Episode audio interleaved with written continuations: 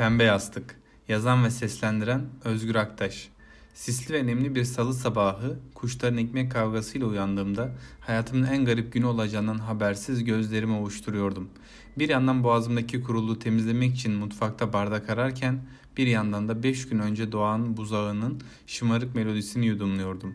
Akşamdan kalma soğan salatası mutfağı iyice esir etmiş, kaçmak için en güçlü bahanem olmuştu. İki yudumda suyu içip hızla indim merdivenleri.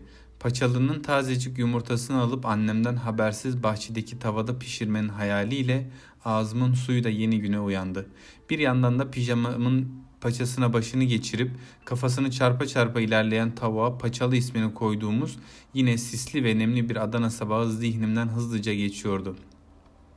Sessizce kafesin önüne yaklaştığımda kuş tüyü dolmuş suluğun kenarındaki kurbağa beni korkutma hevesiyle yanaklarını şişiriyor, bir yandan da uykusuzluktan morarmış gözlerimden ürkmüş olmalı ki uzun atlamalarla oradan uzaklaşıyordu. Yere bıraktığı minik ayak izleri suluğu tekrar bulması için bilinçli koyduğu bir işaretti sanki. Kurbağanın üzerinde fazla durmadan bakışlarımı karanlıkta parlayan görgüsüzün gözlerine odakladım. Kendi önüne attığımız yemi yemez, diğerlerinin payına gözünü dikerdi.'' O yüzden en büyük abim ona bu ismi vermişti. Biraz nazlı bir tavuktu. Her gün değil 3-4 günde bir yumurta verirdi. Ona baktığımı fark eden paçalı beni kokumdan tanımış olacak ki saygıyla ayağa kalktı. Bütün sermayesi olan yumurtayı altından alışımı büyük bir ciddiyet ve her zamanki meraklı göz kırpışıyla izledi. Tam o esnada görgüsüz de ondan ders almış gibi bir sıçrayışta ileri atladı ve altındaki bembeyaz hediyeyi bana sundu. Oysa ki daha dün vermişti yumurtasını. Bugün ilginç bir gün olacaktı belli ki. Sı sıcacık nevaleyi alıp arkamda saklayarak ahırın en köşesine sokuldum. Buzağının peynir gibi kokan nefesi her yeri ısıtmıştı. Bir de gelip koynuma sokuldu. Elimdekinin ne olduğunu sorar gibi bakışlarını yumurtalara sabitledi. Sessizce yumurta dedim. Cevaptan memnun olmuş olacak ki tekrar yüzüme bakıp annesinin yanına sokulmak için başını dik bir şekilde uzattı. Ona da bir isim bulmak gerek diye geçirdim içimden. Yumurta koysam nasıl olurdu? Doğduğundan beri her sabah yumurtaları gizlice götürüşüme, boğazımdan geçerken çıkardığı yutkunma seslerine sadece o şahit oluyordu. Sonra bu şahitliğin başıma iş açacağından korkarak yumurta isminden ve isim arayışından vazgeçip beze sardığım tavayla su işine koyduğum iki kaşık yağı ahırın girişine, pencerenin en, en uytu köşesindeki sac ayağının yanına koydum.'' Tava temiz olmasına rağmen adettendir üfleyip tozunu aldım.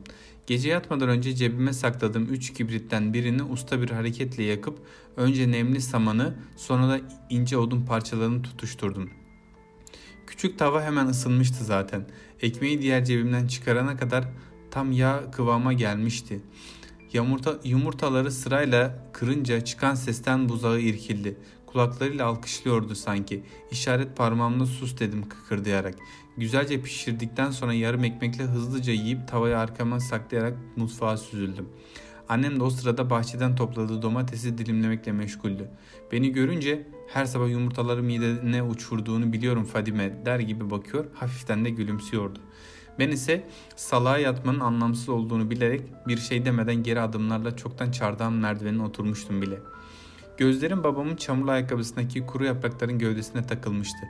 Kim bilir hangi ağacın göz bebeği dalından kopup gelmiş, çamura bulanıp ayakkabının altında ezilmek için can atmıştı. Belki tatlı bir suda kayık olup sonsuzluğa doğru süzüleceğini hayal ederek henüz kurumamış diğer arkadaşlarıyla vedalaşmıştı. Yine de ayakkabının diğer eşindeki çamura saplanmış ve nefes alamayan yaprağa göre daha mutlu göründüğü kesindi. Tüm bu hayalleri babamın kocaman Nasırlı ayakları güm diye böldü. Jandarmalar geliyor kızım sen buradan ayrılma dedi. İki defa ilk defa duymamıştım bu kelimeyi ama öyleymiş gibi şaşırdım. Köy yerinde çok saygı duyulur jandarmaya. Bir yandan da onlardan korkulurdu. Dün bağıra bağıra okuduğum okuma kitabında da kediyi kurtaran bir jandarmadan bahsediyordu. Hatasız okuyunca öğretmenin başımı okşamış, aferin kademe sesli Fatma demişti. Okulun ilk döneminin bitmesine daha iki ay varken ben çoktan okumayı sökmüştüm bile. Bir de çok güzel türkü söylerdim. Sesimi de çok severdi herkes. Babam jandarmaların yanında ellerini nereye koyacağını bilemeden arada serbest bırakıyor, arada bir de parmakları birbirine geçiriyordu. Sanki birbirini hiç görmemiş gibi sıkıca sarılıyorlar, ayrılmak istemeden öylece kas katı duruyorlardı. İki jandarma birinin belinde küçük bir silah, diğerlerinin omzunda diğerinin omzunda uzunca bir tüfek başlarını eğerek mutfağın yanındaki yatak odasına girdiler. Omzunda tüfek olan asker hızlıca geri çıkıp mutfaktan iki şiş aldı. Birini temiz yüzlü tabancalı olana verdi. Annem buz gibi olmuş ne yapacağını bilemeden hem evine yabancı birinin izinsiz girmesinin verdiği huzursuzluğu yutmaya hem de askerlerin neden geldiğini anlamaya çalışıyordu. Kafasında sorular derya olup taşıyacakken tabancalı jandarma ''Hazine bulmuşsun Hasan emmi öyle diyorlar'' deyince annemin alnından iki damla ter buz gibi boşalıverdi.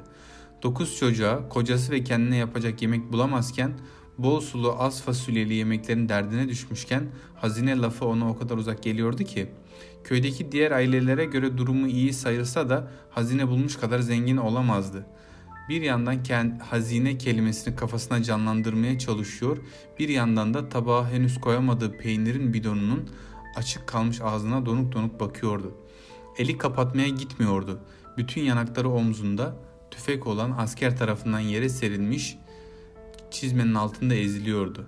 Tüm bunları yetmezmiş gibi hem o hem de tabancalı jandarma ellerindeki şişleri tarihi bir testiye içi altın dolu bir tenekeye denk gelir düşüncesiyle bembeyaz yatakların bağrına saplıyor, yorganlar ölüp yeniden canlanıyordu.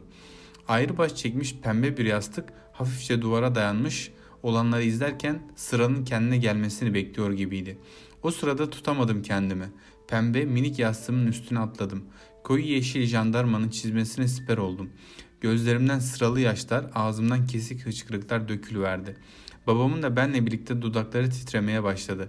Yapma etme komutanım, bizim hazineyle altına ne işimiz olur? Hep köylünün uydurması bunlar diyordu. Jandarmanın babamın yakarışına kulak vermiş gözleri benim yumurtanın yağıyla parlayan yanağımdan akan gözyaşlarıma odaklanmıştı. Kusura bakma sen emmi, karakol komutanı iyice arayın evi dedi. Babam ilahi bir emir gibi söylenene odaklanmış tabancalı jandarmanın mahcubiyeti karşısında ezildi. Bari Fadime'nin yastığına dokunmayın, uyuyamaz yoksa dedi. Tüfekli asker yatakları şişlemekten yorulmuş gözlerle tabancalı olana baktı. Onun gözlerindeki uzun kapanış ve hızlı açılıştan bu kadarın yeteri yeterli olduğunu anlıyordu. Şişleri alıp hala yüzü donuk halde olan anneme uzatınca kadıncağız kendine geldi. Sabahın serinliğini elindeki ısınmış şişler bitiriyor, bir yandan da odanın içine meraklı güneş ışığı doluyor, doluşuyordu. Jandarmalar kapının oraya gidince tabancalı olan babamın ayakkabısından düşmüş kuru yaprağı kendi ayakkabısına taktığının farkında değildi. Yüzünde yine o mahcup tavırla hakkını helal et Hasan emmi ben suçsuz olduğunu biliyordum. Süleyman emminin evini de araştırdık. Fukaraların yatakları evi toz toprak içinde. Sizi ihbar eden vicdansızın önde gideniymiş emmi diyordu.